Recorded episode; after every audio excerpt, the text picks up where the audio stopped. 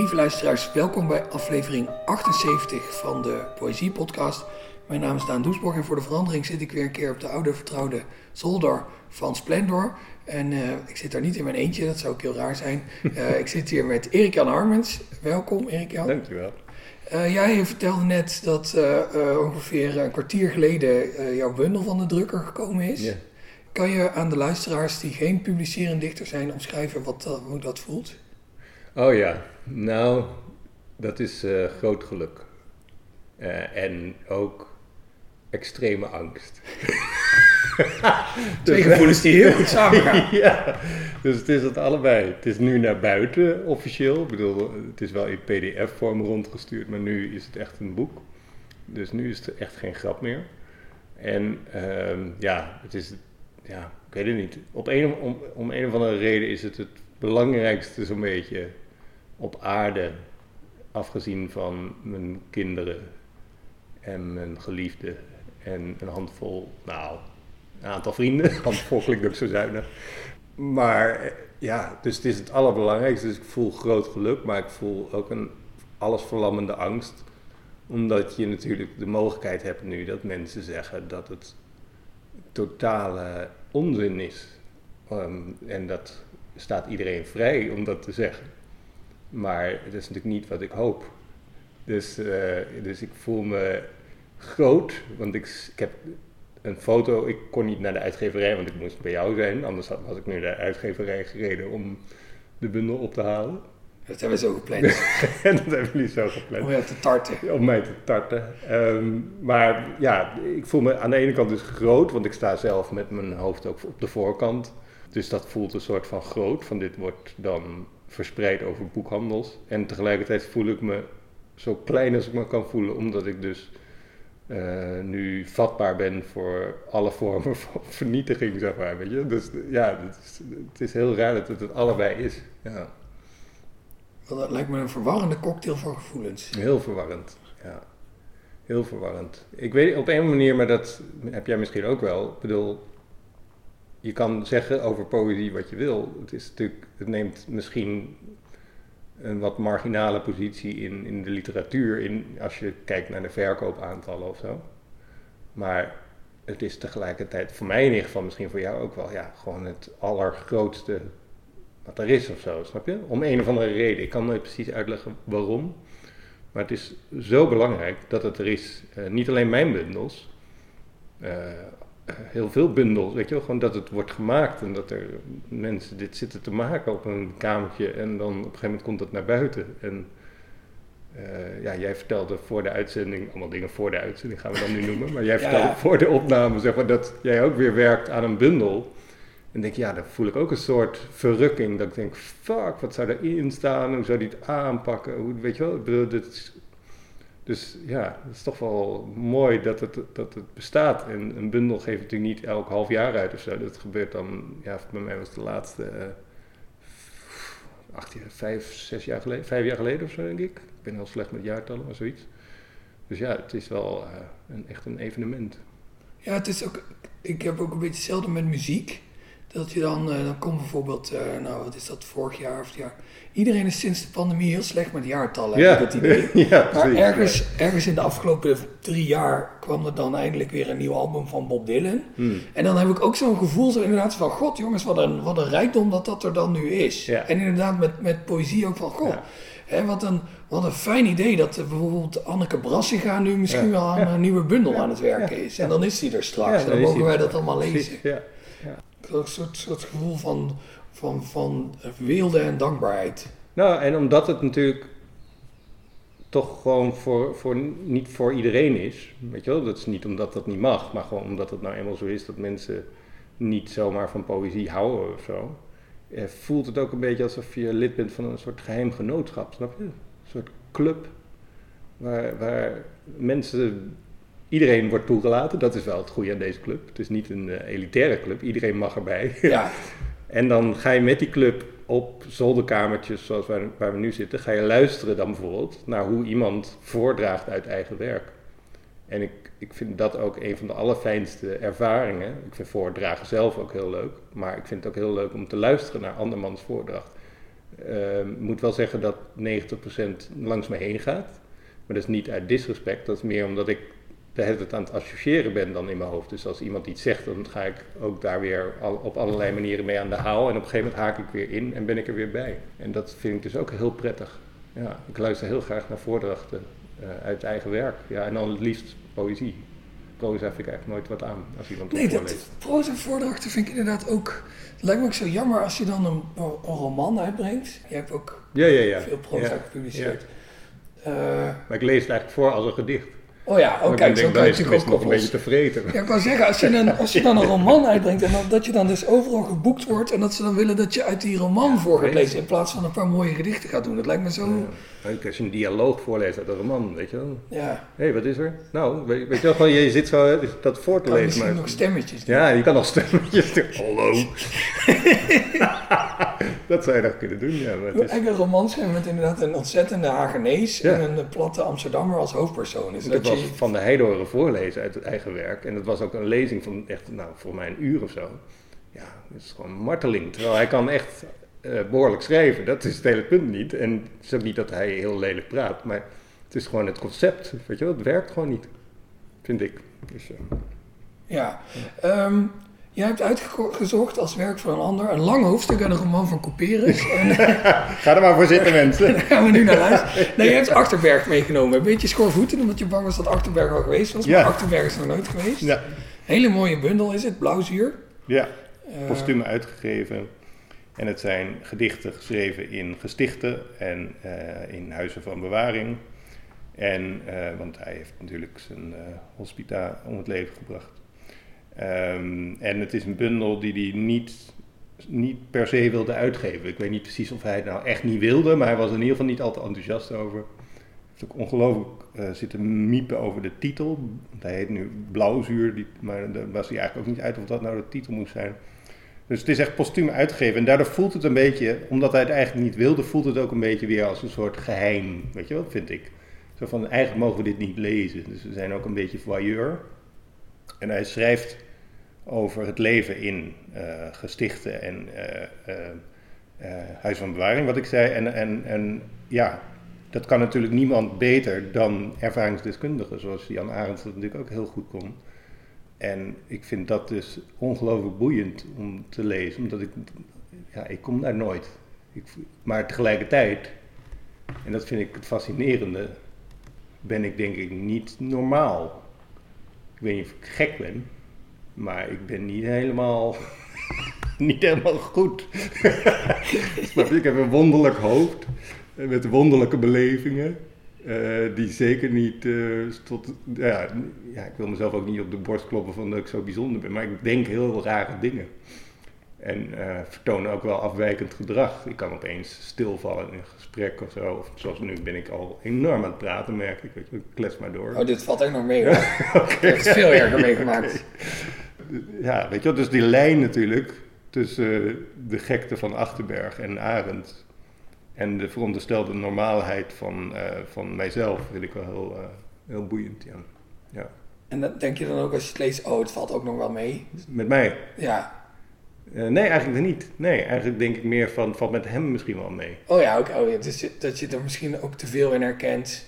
Nou ja, er wordt wel gedacht dat hij, ja, er wordt beweerd dat hij die moord min of meer in een opwelling heeft gepleegd. Dus dan zou het eigenlijk geen moord zijn trouwens. Maar goed, dat terzijde. Dat kan ik me eigenlijk heel goed voorstellen. Want ik bedoel, net als eh, een, een Duitse choreograaf, een criticus met hondenpoep besmeurd. Dus ook in een opwelling. Of een wielrenner die tieners eh, achtervolgt in, in een hotel, is ook een opwelling. En wat doe je wel allemaal niet in een opwelling? Maar over die hondenpoep. Ik, ik heb dan geen hond, maar een kat, maar die poept ook. Ja, Ik heb nu bijvoorbeeld geen kattenpoep bij me. Nee, oké, dat is fijn. Dus, dus ja, nee, maar dus, en hij had wel hondenpoep bij zich. Ja, dus nee. in die zin is het niet, misschien niet helemaal in een opwelling, toch? Hij heeft, Nee, maar hij als heeft ik, wel... als ik eh, advocaat was van de Ja. tegenpartij, dan zou ik zeggen, ja maar ho eens even. Ja. Ja, ja, ja, precies. inlachbaar hè. Hij had toch die hondenpoep bij zich. Nou, en ik dacht ook eerst, nog een beetje de- ter zijner verdediging, dat ik dacht, hij heeft natuurlijk gewoon dat plastic zakje met hondenpoep naar haar gesmeerd. Nee, hij heeft echt de binnenkant Ja, uitgehaald en en echt Dus ja. Ja, Nou ja. Niet helemaal netjes. Maar wat doet een mens in een opwelling, snap je? Ja, En ik ben zelf, aangezien wat ik al zei, ik heb een vrij wonderlijke binnenwereld en heb wonderlijke gedachten. En soms, dat zit ook wel in mijn bundel waar we straks over praten, word ik, raak ik ook bevangen door eh, bijvoorbeeld woede. Ik heb veel woede in me en daar ben ik niet trots op. Maar dat is nou eenmaal zo. En ik ben best vaak bang dat dat naar buiten komt. In ook zo'n opwelling. Hè? En ik ben vrij groot en eh, ja, niet super sterk, maar ook niet slap. Eh, weet jij veel? Ik ben nu 52, weet je wel. Misschien flip ik wel op mijn 55ste. En, eh, of op mijn 53ste. En dan is deze podcast, wordt dan een soort raar, weet je wel, een soort van, dan luisteren mensen hier heel anders naar, want dan zit ik ergens in, een, in de bak of zo. Of in een eh, huis van bewaring of in een gesticht. En dan ben ik officieel gek verklaard. Zo, zo gaan mijn gedachten wel eens allerlei kanten op. dan ga je misschien wel hele mooie poëzie maken daarin. Dat Ja, ja precies. is dat nog een soort troost die we Ja, dan dat is wel weer een soort troost, ja. Zou jij je gedicht uit eh Blauwzuur van Achterberg laten horen? Ja, en ik heb, want er zitten ook best hele vormvaste gedichten in. Min of meer een soort sonnetvorm en zo. Maar dit is dan een beetje een eh, eh, wat vrijer vers, waarin Achterberg, eh, wat mij betreft, helemaal losgaat. En dat vind ik eigenlijk ontzettend leuk. Het zou zo op, op een slam eh, avond kunnen voorgedragen worden. Dus dat is eigenlijk helemaal niet zo bekend van hem ook. Eh, het gedicht heet HVB. In dit huis van bewaring houdt niemand meer bij ons de wacht. In dit huis van bedaring ontketenen zich vloek en klacht. In dit huis van bezwaring, gewogen, maar te licht geacht. In dit huis van beharing wordt vlijmscherp onze ziel ontvacht. In dit huis van bestaring, o lege, lege sterrenpracht. In dit huis van verklaring tuimelt de dag in de nacht. In dit huis van verjaring worstelt de dag met de nacht. In dit huis van vervaring ontdoet de dood ons ongedacht van elke angst onder zijn lach. Liggen wij als een lam zo zacht, verloren voor zijn overmacht in dit huis van bewaring. Dankjewel.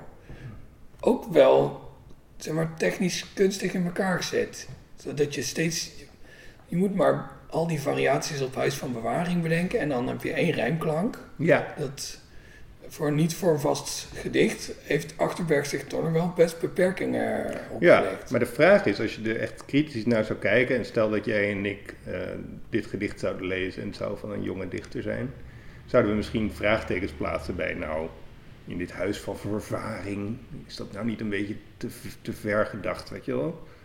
Ehm, ja, ik bedoel, die, die, van in dit huis van beharing, dan denk je, die gaat mis, maar dan wordt het wordt vlijmscherp onze ziel ontvacht. Dan denk ik, fuck, dat is goed, weet je Ja, ja. dat is goed. Ik dacht ook over het, over, het, over het lichaam als een huis van Ja, ja, ja, ja, ja, precies. Ja. Dat Ik, ik dacht inderdaad ook toen je het zei, dacht ik, ah kom op Achterberg. Maar toen daarna meteen dacht ik, nee wacht eens even, dit kan wel. ja, precies. Ja. Dus dat is ook wel weer dat knap. is wel weer knap. Ja. als, je als je denkt dat het corny wordt, blijkt het toch niet corny te zijn. Nee. Het is ook wel een, een spannend eh, Ja. koord om op te dansen. En daarom is het ook wel een eh, oproep om vrij te dichten, snap je? Ik bedoel, als je vrij dicht, kom je op dit soort dingen.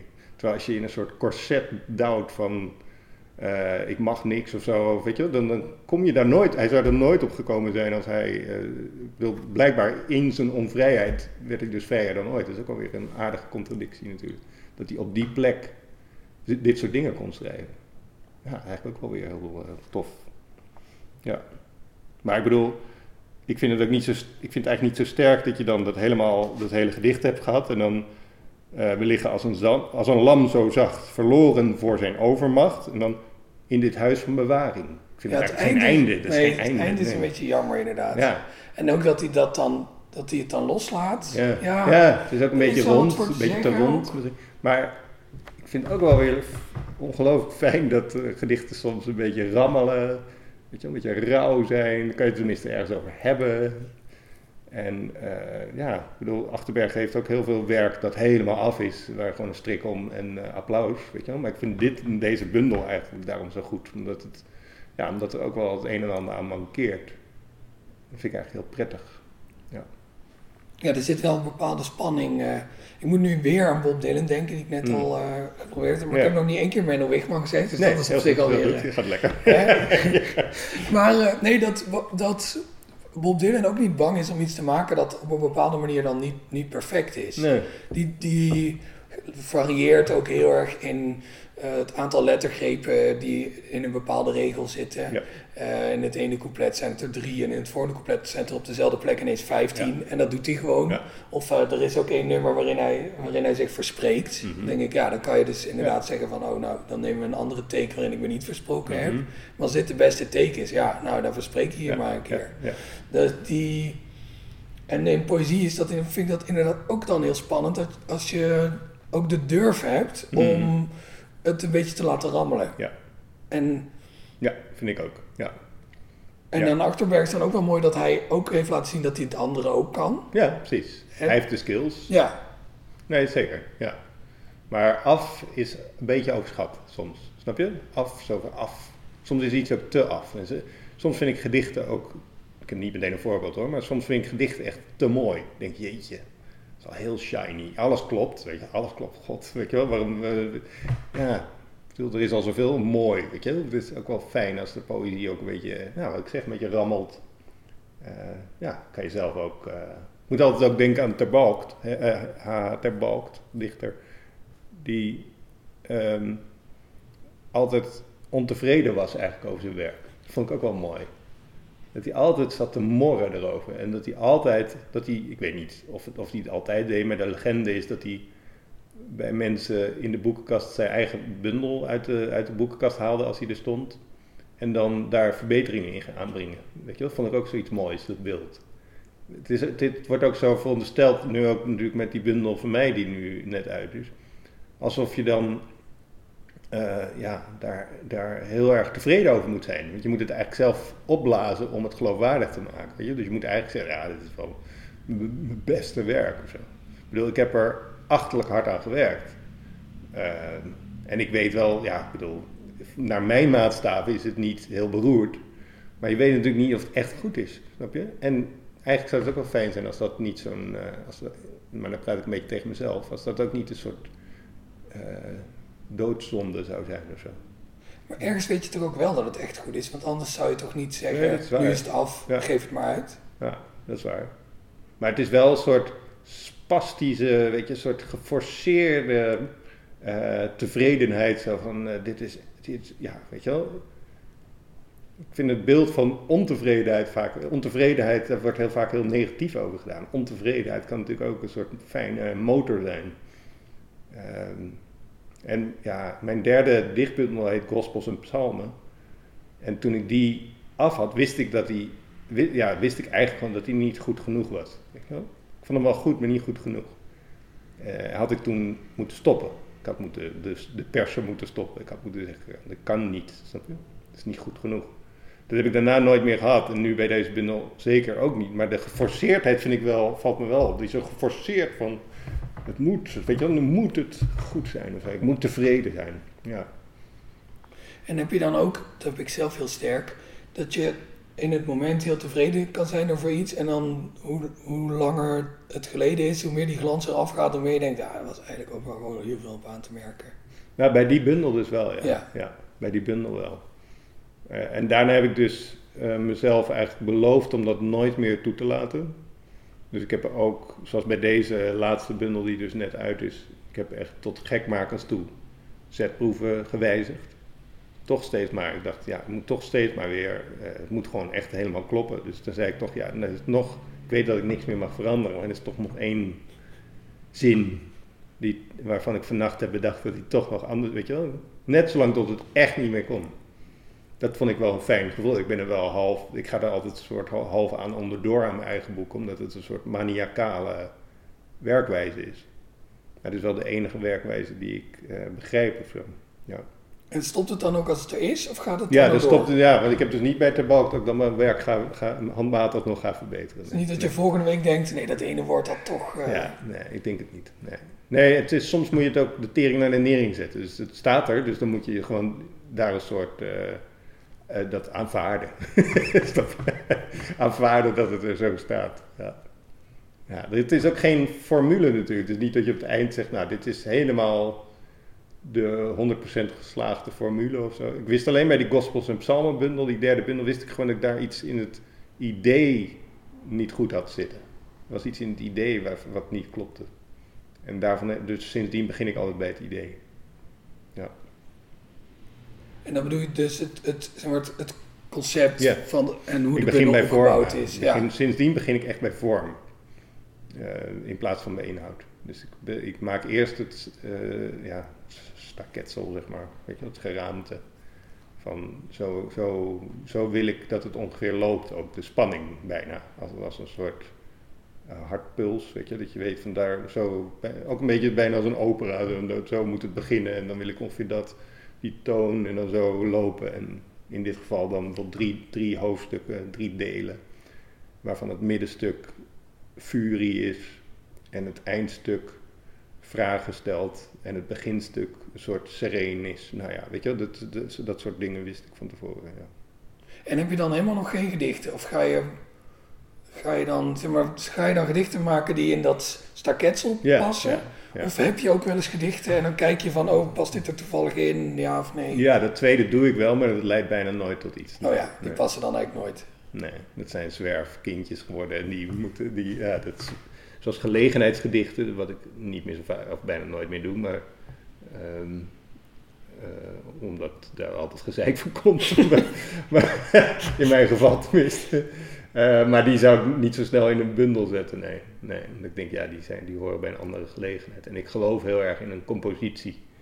Eh, zoals de vorige bundel, Kom, ehm, daar, daar wist ik van dat moet een soort taalvernietiging worden. Dus dat moet bijna geen.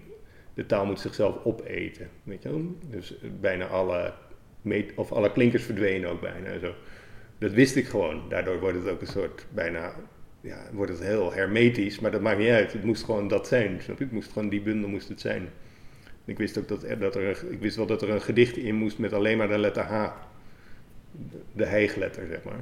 En ik wist dat dat een soort middelpunt van de bundel moest worden en dat dat, dat, dat een voordracht zou zijn ook. Een gedicht dat ik heel vaak en graag voordraag ook, omdat het zo, ja, het is de poëzie, het is eigenlijk het beste gedicht misschien dat ik ooit heb geschreven. Met maar één letter. Ja. Kan je nagaan. Ja.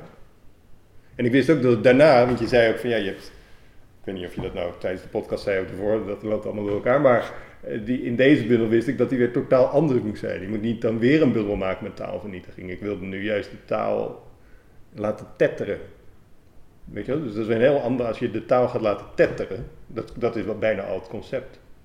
Ik wil de taal laten tetteren, dat is fijn. Dat is een fijne opdracht. Ook een veel leukere opdracht dan die, die, eh, die eh, van de vorige bundel. Weet je? Die van de vorige bundel moet je bijna alles vernietigen. En nu mocht het eh, bestaan. Ja. Ja, dit is wel een soort, soort positievere benadering. Veel positiever, ja, je wordt er veel vrolijker van. Ja, Ja, nu hoeft het natuurlijk niet altijd vrolijk te zijn. Nee. Bewijst Achterberg ook. ja precies. Ja. Maar soms een beetje vrolijk is wel leuk. Ja. ja, nee, zeker. Ja. Ja. Zou je voordat we ons met een vrolijke blik op jouw nieuwe Ja. bundel gaan storten, dit gedicht van Achterberg nog een keer willen Ja. lezen? Oh ja. HVB. In dit huis van bewaring houdt niemand meer bij ons de wacht. In dit huis van bedaring ontketenen zich vloek en klacht. In dit huis van bezwaring, gewogen, maar te licht geacht. In dit huis van beharing wordt vlijmscherp onze ziel ontvacht. In dit huis van bestaring, o lege, lege sterrenpracht. In dit huis van verklaring tuimelt de dag in de nacht. In dit huis van verjaring worstelt de dag met de nacht. In dit huis van vervaring ontdoet de dood ons ongedacht van elke angst. Onder zijn lach liggen wij als een lam zo zacht, verloren voor zijn overmacht. In dit huis van bewaring. Ja, toch jammer van het einde. Ja, het is jammer. Het is jammer. Ja, het is een kut, kut einde. Hoor je dat achterwerk? Goed, ehm, dan over naar jouw nieuwe bundel. Als mensen dit luisteren, wanneer deze aflevering net uit is, dan ligt hij misschien nog niet in de winkel. Want deze aflevering komt op de 20ste uit en op de 23ste is jouw bundel er. Ja. Dus eigenlijk al vrij snel. Ze kunnen hem bestellen. Ja, precies. Ze kunnen hem vast bestellen. Dat is juist. eh, ehm, en eh, vertel nog eens één keer hoe die heet. De man die blauw werd. En je hebt daar een gedicht uit, uitgezocht voor Ja, ons. ja.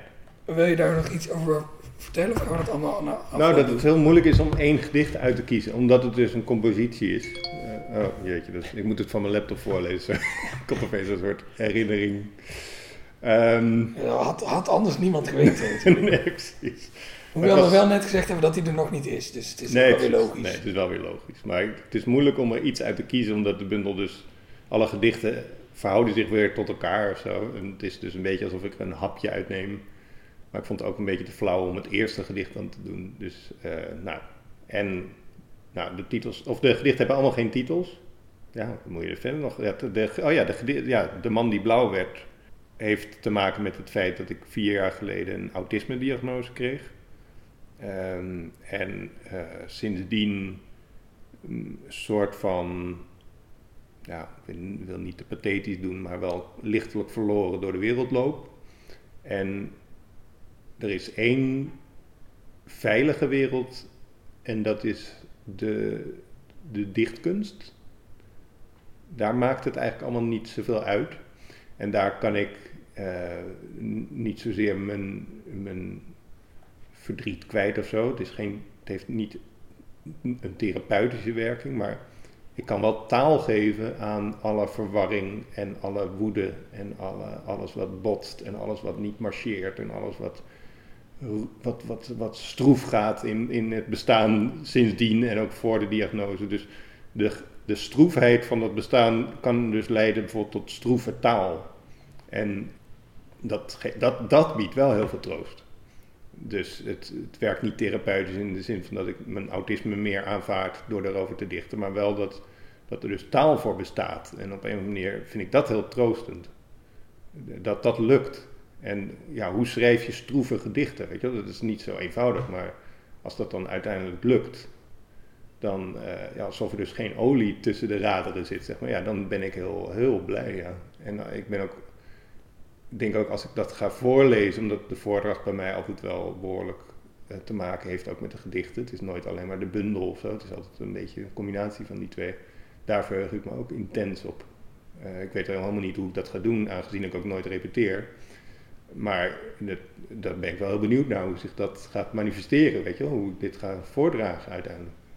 Dat, ja, zoals ik nu ook iets ga, ik heb bijna nog nooit, vrijwel niks heb ik iets, ik heb niks uit deze, dit is de eerste keer voor, ja, dit is de eerste keer dat ik iets uit deze bundel voordraag. Daan, het is de eerste keer. Ja, nou, een primeur. Jezus. Die heb ik natuurlijk graag. Ja, nee, ik zit wel te denken, ik heb, ik heb één keer, eh, eh, dat, dat, dat heet Elbow Giraffe en dat is een programma van mijn manager Oscar van Gelderen en daar lezen mensen ongepubliceerd werk voor.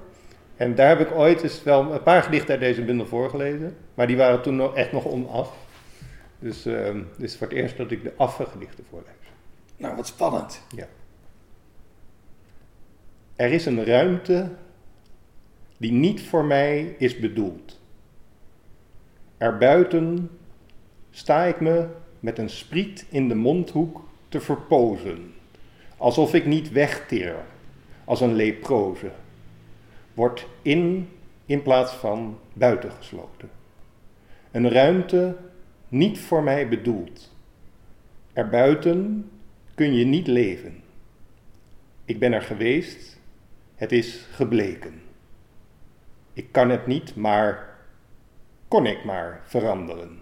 In een man, mak als vak, die met de meanderende meute kan mee meanderen. Dankjewel. En hoe vind je het nu om het voor te dragen? Goh, ja, jeetje. Ja, heel spannend. Heel spannend. Ik denk dat dit het eerste gedicht is waarin iemand ermee wegkomt om het woord meanderen te gebruiken. Ja. ja, precies. Ja, dat is wel echt een heel fout woord eigenlijk. Ja, en toch... Maar en, het lukt en- wel. Weet, net als Achterberg die het over Ja, het Huis van precies. Beharing Ja, er heeft. zit wel een overeenkomst tussen, ja. Ja, je hebt natuurlijk van die verboden woorden, ook als sneeuw en zo. Maar dat wil natuurlijk, dat is, ja... Ik denk dat het dan...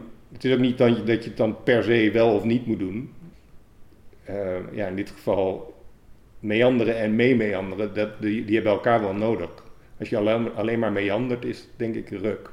Ja. Maar meanderen en meemeanderen, ja, en veranderen, denk ik. Die, die geeft het ook nog een ja, soort legitimiteit. veranderen, kon ik maar veranderen in een man mak als vak. En vak is een woord wat heel veel in de bundel voorkomt. Gewoon F-A-K, dus niet F-U-C-K, want dat zou ik heel lelijk vinden. Maar F-A-K vind ik dan echt een mooi Harmonswoord. En een man mak als vak, die met de meanderende meute kan meemeanderen. Het is bijna een andere taal, weet je wel? Het is bijna geen Nederlands. Het zijn allemaal correcte woorden. Ja, vak is straattaal dan, maar voor de rest kan het allemaal prima. Maar omdat ze zo bij elkaar staan, is het bijna alsof je een hele, een hele soort elfentaal praat of zo. Dat vind ik heel cool. En dat vind ik ook een van de allerleukste dingen om dat goed te krijgen op papier. Want dat kost natuurlijk heel veel tijd. Omdat de eerste 7000 versies zijn natuurlijk niet goed. Weet je het kost natuurlijk heel veel tijd om dat dan goed te krijgen. Ehm, dus het is best interessant om, om, om alle vroege versies een beetje met elkaar te vergelijken. En dan zie je hoe dat een beetje... Maar dat meanderen stond er wel heel snel, ja. Het is helemaal niet een woord voor mij. Ja, het, het is ook, moet ik zeggen, het eerste wat mij opviel aan de bundel, dat die, dat die zo, ook met, met klank, herhalingen en, en binnenrennen, zo ontzettend minutieus gecomponeerd is. Je Ja. voelt aan alles dat je elke klank gewikt en gewogen hebt en, en ik vermoedde inderdaad al na vele versies op de juiste plek gekregen hebt. Klopt het als ik zeg dat dat ook wel een soort, een soort eh, wegsturen is van, van hoe je dat eerder gedaan hebt? Is dit, is dit je meest gecomponeerde bundel, denk je? Of denk alleen ik dat? Ehm, nou, of, ik denk niet de meest gecomponeerde bundel. Ik denk dat mijn tweede bundel, Underperformer, ook wel heel erg zo'n zo'n constructie had, zeg maar. Het is wel zo dat ik steeds meer durf. En wat ik zelf het interessantst vind, ik bedoel, de, iedereen moet maar zeggen wat hij, of zij, of hè, wat, wat iedereen maar vindt, maar ik vind het zelf het interessante dat, dat ik vroeger in mijn eerdere bundels ehm, bleef het, ik bedoel, was het alleen die, die was voor een heel groot deel die buitenkant. Zeg maar. De, de woede was de woede, bijvoorbeeld. En daar stond niks zachts tegenover. En, ehm, en nu staat daar eh, wel wat zachts tegenover. En dan eh, op een of andere manier heb ik het idee dat die woede dan ook iets menselijker wordt. Het wordt iets minder een monster. Eh, en, en dat vind ik zelf wel heel prettig, omdat het ook menselijke woede is. En ik denk dat het ook qua poëzie, ja, ik hoop gewoon, dat, ik hoop gewoon om steeds betere gedichten te schrijven, wat dat dan ook maar betekent verder. Maar voor mij is dat wel, weet je, ik kan dus schakeren of zo. Ik kan eh, eh, verschillende klankkleuren, ja, dit is allemaal nu. Maar ik kan het zo allemaal tegenover elkaar zetten. Dus ik kan van zacht naar hard, en weet je ik kan heel erg variëren en durf dat ook. Waar ik voorheen, eh, dus zeg maar twintig jaar geleden, de zachte stukjes eruit haalde, omdat ik dacht dat is kitsch of zo, of dat is larmoyant, of dat, weet je wel. Laat ik dat nu soms staan. Ik ga wel heel lang dan nadenken hoe het er moet staan. Maar ik vind het bijvoorbeeld best interessant om als het gaat over eh, mijn eigen autisme-diagnose, om dan niet alleen maar te slaan. Ik sla ook, maar eh, ja, ik wil ook wel laten zien dat ik ronddol en hoe en dat dat eh, een vrij ja, ik probeer het woord eenzaam te vermijden, maar goed, misschien moeten we het maar heel zachtjes fluisteren dat bijna niemand het hoort. Snap je? Het is een vrij eenzaam gevoel. Om, eh, om eigenlijk door een diagnose, wat ook maar een papiertje is, maar uiteindelijk door een diagnose toch te horen te krijgen dat je uh, hersenen anders werken dan die van niet-autisten. Dat is aan de ene kant een opluchting, omdat ik nu opeens mezelf een beetje begrijp en begrijp waarom ik sociale contacten uh, zo alles verterend kan vinden, zeg maar.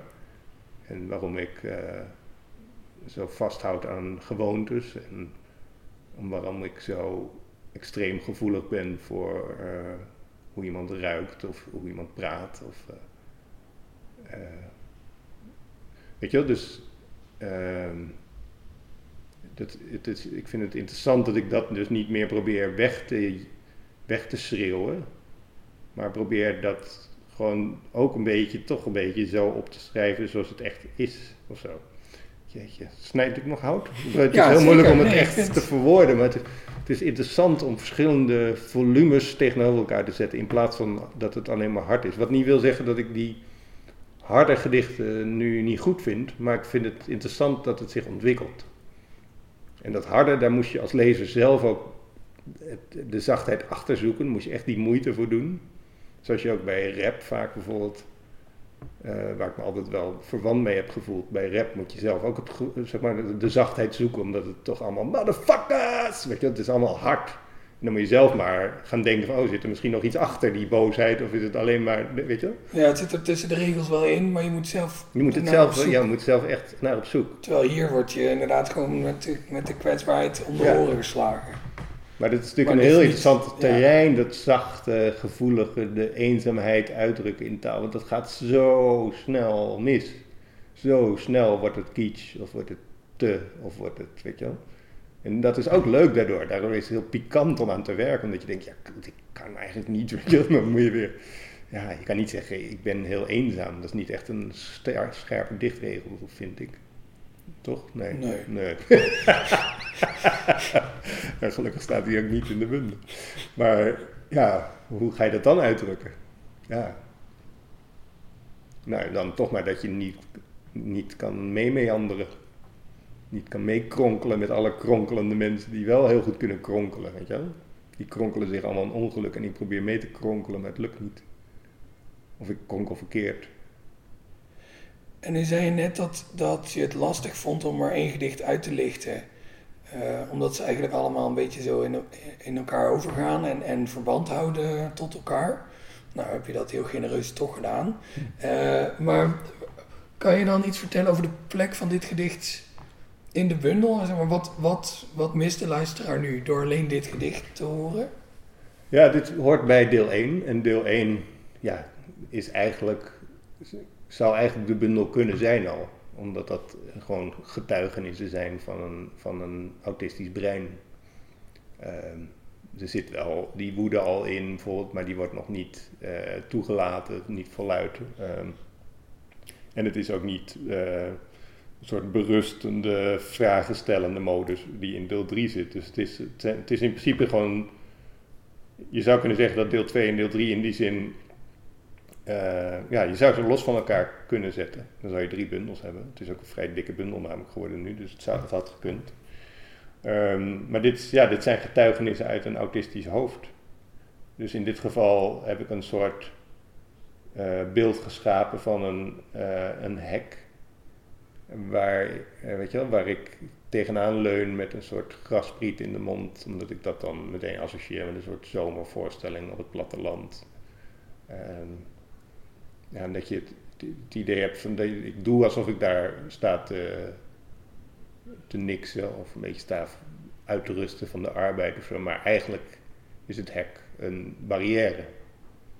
Dus ik vind het interessant om tegen een barrière te leunen alsof het een, uh, alsof het een uh, uitrustplaats is. Weet je wel? Die spanning vond ik mooi. En zoals ik ook heel veel het beeld van een vissenkom in de bundel opvoer, waar, waarbinnen iedereen uh, zwemt en ik sta daar buiten een beetje tegen die kom aan te tikken, zeg maar. Dat soort beelden vind ik gewoon heel interessant. Om, ja, je kunt, zo, je kunt zo'n vissenkom ook bijna betasten, zeg maar. En zo'n hek ook, weet je wel. Ik, ik, heb vroeger heel vaak bij een boer gewerkt. En dan ja, was een hek, echt, daar klom je dan op en dan dronk je je yoghurtdrink op dat hek. Dus voor mij heeft dat heel veel associaties die natuurlijk allemaal niet in de bundel staan. Maar zo'n spriet in de mondhoek was, hoorde daar ook wel heel erg bij. Ja. Ik vond het beeld ook heel mooi, dat zit in een ander gedicht geloof ik, van die vissen die dan, die dan zeggen, kijk daar die man die verzuipt. Ja, Omdat die man natuurlijk- krijgt geen, eh, iemand Of die man krijgt geen krijgt lucht. geen lucht. Ja. Ja, vanuit het perspectief van die vissen natuurlijk Ja. helemaal niet kan ademen bij Nee. balkon. Precies, precies. Ja, nee, dat vond ik ook heel. eh, dat is ook weer, ja, is heel lang van. Ik wilde een vissenkom, maar ik heb heel lang gedacht: wie zit er nou eigenlijk in die vissenkom? De mens of ik? En weet je wel, dan moet je dat weer uitproberen. Wat gebeurt als ik erin zit? Wat gebeurt als. Nou, et cetera, et cetera, et cetera, et cetera. Uiteindelijk vond ik het heel interessant dat de mensen in de vissenkom zijn en daar blijkbaar heel goed kunnen ademen. En ik ben daar buiten en krijg geen lucht. Ik vond dat het meest interessante. En ik probeer bijvoorbeeld ook in een ander gedicht weer.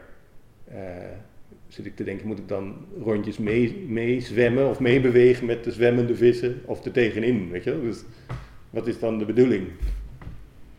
Ja, en ik kan het wel echt een beetje zo ervaren, ja. Dat, eh, ook wel in de, ik bedoel, ehm, binnenkort eh, is het boekenbal bijvoorbeeld. En ehm, dan voel ik me ook vaak wel een beetje zoals buiten die vissen kom. Eh, ik heb altijd toch een beetje het, ja, ik snap, ja, ik snap gewoon niet dat hoe mensen dat kunnen. Hoe mensen op zo'n kleine ruimte met allemaal collega-schrijvers, hoe ze dat overleven, zeg maar. Tegelijkertijd ga ik er wel naartoe. Ik zou natuurlijk ook gewoon thuis kunnen blijven.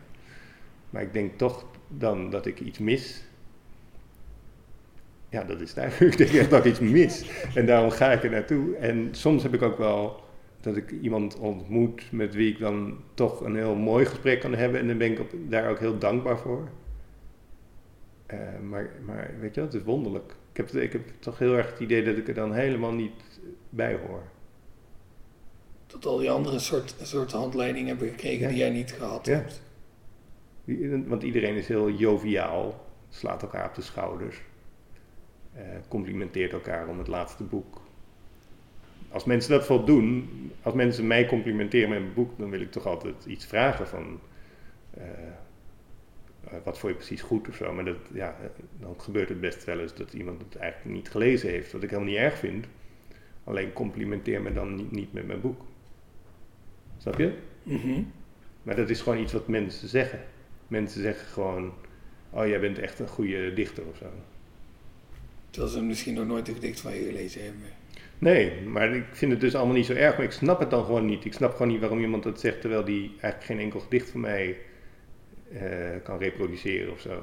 Ja, ik zou nooit dat tegen. Nou ja, nee, dat is niet waar. Ik heb, ik heb ook wel heel erg geouwehoerd, maar ik zeg het nu nooit meer. Ik heb het vroeger heel vaak gedaan. Dat ik dan ging overbieden en uit pure zenuwen toch maar ging zeggen: goed boek. En dat iemand zei: oh dank je. Maar ik had weet je, geen idee. Als ze één vraag gesteld hadden, dan was je nat Ja, gegaan. dan was ik nat gegaan, ja. ja. maar ik ging dan toch maar dat, omdat dat nou eenmaal is voor mensen doen. Maar ja, ik zeg nu ook dus niet meer dat ik, eh, dat ik literaire meesterwerken heb gelezen of zo, als ik het niet heb gelezen. Snap je? De man zonder eigenschappen eh, krijg ik niet uit. Ik kom ik krijg, van Robert Musil, ik krijg het niet uit. Ik heb het heel vaak geprobeerd, ligt, nou, heel vaak li- ligt het weer naast mijn bed, ga ik het weer proberen. Maar ik krijg, blijkbaar ben ik er te stom voor, maar ik krijg het gewoon niet uit. Ik heb het überhaupt ook nog nooit geprobeerd. Maar ik ga dus ook niet doen alsof ik het heb gele- heb gelezen. Maar dan krijg dus wel hele stroeve gesprekken van. Eh, dus als ik met iemand over Proest praat, ja, ik heb wel Proest gelezen, maar lang niet alles. Maar een aantal stukken. Stukken en dan ging ik weer een tijdje zappen, omdat ik dacht, dit duurt weer te lang. Oh, en dan kwam weer een stuk. Dan denk ik, oh, dit is leuk. Dus ik heb het eigenlijk mishandeld gelezen. Ja, vaak doen ze ook dat ze het in het midden laten als ze het gelezen hebben. Weet je, dan knikken ze mee, dan meanderen ze mee. ja, en dan blijft het een beetje in het midden als ze het gelezen hebben, zeg maar. Ja. Maar als je eenmaal, zeker na die diagnose, voor mij is dat een soort cue geweest. Dat ik dacht, ja, dan, dan ga ik dus nu, dan ga ik dus nu heel eerlijk leven. Dat deed ik al wel toen ik stopte met drinken, tien jaar geleden. Dat was al een soort cue van nu is het uit met al het geleuter. Niet dat ik geen lol meer kan maken, maar gewoon al het stomme geleuter is gewoon klaar. Alle, alle ja, chaotische nachttaferelen en zo, met waarin, nou ja, daar gaan we een andere keer over praten. maar maar, eh, Maar ik heb wel sinds, sinds die diagnose dat ik denk, ja, dan is nu, weet je, is, nu ga ik het, nu ben ik echt, dan moet ik dan nu echt zijn wie ik ben. Als dichter en als uh, mens. En dat, dat is het enige wat ik nu nog kan doen. Ik heb geen andere optie. Dus wordt het stroef. Dus wordt het stroef. Ja. Ook in je gedichten? Ook in mijn gedichten. Ja. Niet zoals Achterberg met zinnen die je dan eigenlijk, weet je wel, waarvan je denkt, nou die is echt niet goed. Nee, dat, dat vind ik een misdaad. Dus dat, dat, zou ik, dat wil ik altijd proberen te voorkomen door er gewoon maniacaal hard aan te werken of zo. Maar stroef vind ik wel fijn. Als het net niet lekker loopt, ja, als het net de olie mist, zo, dat het niet glad is, niet soepel als een kloppend sonnet is, maar dat het gewoon houterig is. En dat het ongemakkelijk misschien soms ook is. Soms zit er ook wel, weet je, zoals de anticanto's van Terboog, weet je, van die, zitten van die anti-gedichten bij. In het derde deel van de bundel, ja, ga ik ook een interviewer suggesties geven van vragen. En dan zeg ik, eh, vraag of ik een beetje goed met mijn collega's ben. Weet je, dat is natuurlijk geen mooie dichtregel, maar die moet daar staan, snap je? Uh, dat vind ik dan, het is zo lelijk dat dat gewoon weer fantastisch is. En kan, maar dat luistert ook weer om, nou, hoe je een lelijke dichtregel een plek geeft in een gedicht. Dan ben ik echt wel uh, op de toppen van me kunnen bezig of om dat dan goed te krijgen. Het is ook eigenlijk, ja, voor mij, ik vind dat de grootste voldoening geven. Uh, terwijl, als je zegt, ja, als ik zou proberen om soepele, en soepele gedichten bedoel ik gewoon gedichten waarvan je meteen ook ziet, oh, dit is een gedicht aan alle kanten, die, die heb je gewoon dat werk, weet je wel, van, ook van dichters van nu, gewoon van ja, aan alle kanten, dit is een gedicht, het is helemaal de bedoeling, zeg maar, dit is echt, dit kan zo, uh, ja, naar alle prijzen, en weet je, dus helemaal, dat vind ik meestal niet de meest interessante poëzie. En dat is niet dissend bedoeld, maar dat is gewoon, ik vind dat niet zo interessant zelf. Vind het interessanter als poëzie soms ook niet op een gedicht lijkt. Of dat je denkt, wat, doet die nou weer of zo, weet je wel. Dat, Zoals Maxime Garcia Diaz vind ik echt interessant. Omdat ik denk, wat is dit voor iets, weet je wel? Wat is dit voor iets? Waar, waar, waar word ik ingetrokken nu? Het is gewoon ongelooflijk interessant. Rapta Fabias vind ik daarom ook interessant. Gewoon dat, dat, ook dat meandert op allerlei manieren. Dat, zo wijdlopig ook soms. Zo badass ook vaak. Echt badass. Dat ik denk, jezus, weet je wel? Dat dat kan. Dat je dat in een bundel kan doen. En ook een beetje zoals Achterberg. En, ja. Het is, ja, als het gewoon niet, dat je niet als lezer denkt, oh ja, dit is, ik ga helemaal mee in dit gedicht. Oh ja, en dan nog de slotregel. Oh, die slotregel, ja, weet je wel. Die poëzie heeft een functie en dat is prachtig en mensen luisteren daar graag naar en lezen dat graag. Maar ik hou ervan als het, ja, als het niet meteen helemaal klopt of zo. Of dat je denkt, ja, het, verontrust me, maar ik weet niet precies waarom. Of, ik weet het, Alfred Schaffer ook ooit zo'n lang gedicht had over. Uh, ik kan het helemaal niet citeren, misschien moet ik dit helemaal niet. Uh, ik ga dit gewoon improviseren. Maar het ging een beetje over een soort rampenplan. Of hoe, je, hoe mensen moeten reageren bij een ramp of zo. En dat had hij vrij letterlijk, leek het, geciteerd of zo. Maar daardoor, zeker als hij het voorlas met die hele droge stem, werd het heel verontrustend. Dat vond ik bijvoorbeeld, dat ik dacht, het is te gek dat iemand dit doet, weet je wel? Ja, poëzie die gewoon de, de de durf heeft om van het gebaande pad af te wijken en dan gewoon zichzelf te zijn. En, en nou ja, ik vind, je had het net over eerlijkheid. De durf om eerlijke poëzie te maken. Ja. En als dat een heel aangeharkt sonnet is met een ronkende slotregel, oké. Ja. En als dat iets heel bizars is, ja. Ook oké. Maar misschien is daarom Jesse Laporte wel heel cool. Jesse Laporte uh, is een, uh, voormalig stadsdichter van Arnhem, kampt met de nodige angsten, waar hij ook heel open over communiceert. En die schrijft eigenlijk hele lichte versjes daarover, zou je kunnen zeggen. Dat klinkt een beetje badinerend, maar gewoon, het is heel, heel, heel speels, zeg maar. Weet je, echt totaal niet mijn, mijn, kat, mijn, mijn kamertje, zeg maar. Weet je, helemaal niet. Maar ik, kan het wel heel erg uh, waarderen. Omdat ik denk, hij is wel ongelooflijk eerlijk in wat hij wil en wat hij wil overbrengen. En eigenlijk, ik heb een beetje het idee dat hij eigenlijk uh, liefde wil uh, verspreiden. En uh, ja, wie, wie, ben ik dan zo om daar iets slechts van te vinden? Ik vind het juist te gek, weet je. Dat is blijkbaar wat hij dan doet. Als hij ook een avond presenteert, zie ik hem ook iedereen zo aankijken. Weet je, hij is echt bezig met iedereen. Nou, hij, hij wil echt iets. En daar doet hij veel voor. En ja, ook, het is dus helemaal niet iemand die, zeg maar, qua poëtica denk ik niet helemaal bij mij past, schat ik zo in. Maar wel iemand die ik vreselijk kan waarderen, omdat hij gewoon dat zo eerlijk doet. En dat zie ik wel dan ook, ja. ja. Zou jij jouw volslagen eerlijke gedicht nog een keer aan ons willen laten horen? Dat is goed. Er is een ruimte die niet voor mij is bedoeld. Erbuiten sta ik me met een spriet in de mondhoek te verpozen. Alsof ik niet wegteer als een leproze. Wordt in in plaats van buitengesloten. Een ruimte niet voor mij bedoeld. Erbuiten kun je niet leven. Ik ben er geweest. Het is gebleken. Ik kan het niet, maar kon ik maar veranderen.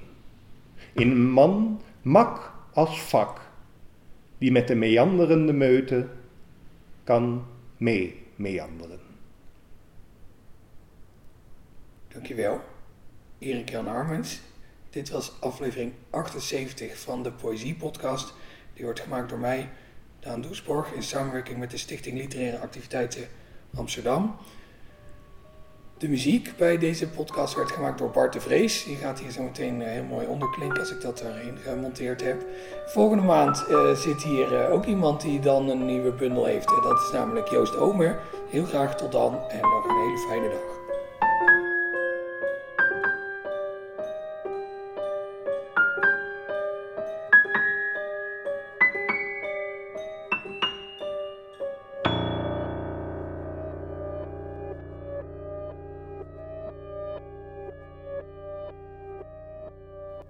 Je luisterde naar een aflevering van de Poëzie Podcast. Daan Doesborg is schrijver en presentator. In 2010 werd hij Nederlands kampioen Poetry Slam. Momenteel werkt hij aan zijn debuutroman, die zal verschijnen bij uitgeverij Van Oorschot. De Poëzie Podcast wordt mede mogelijk gemaakt door de Stichting Literaire Activiteiten Amsterdam. Bij ons draait alles om literatuur. We maken programma's voor de hele stad, online en offline. Al onze podcasts zijn ook te beluisteren via onze website www.sla.nl slaakast.